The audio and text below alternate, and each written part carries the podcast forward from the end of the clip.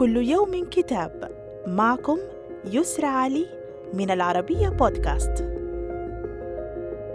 كتابنا اليوم بعنوان أوراق من حياة فنان العرب محمد عبده. للناقد علي فقندش. يتناول الكتاب لأول مرة سيرة فنان العرب محمد عبده وقصة حياته منذ الطفولة. مرورا بمراحل حياته المهمة المختلفة والأشخاص المؤثرين الذين أسهموا في إبرازه وتقديمه في البدايات وصولا إلى المرحلة الحالية التي توجت تربعه على قمة الساحة الفنية المحلية والخليجية والعربية. يمثل محمد عبده تاريخا من العطاء ورمزا من رموز الثقافة الفنية في الوطن العربي خاصة وأنه يمتلك حضورا مميزا وسجلا ذهبيا في ذاكرة جيل كامل من أبناء الوطن العربي.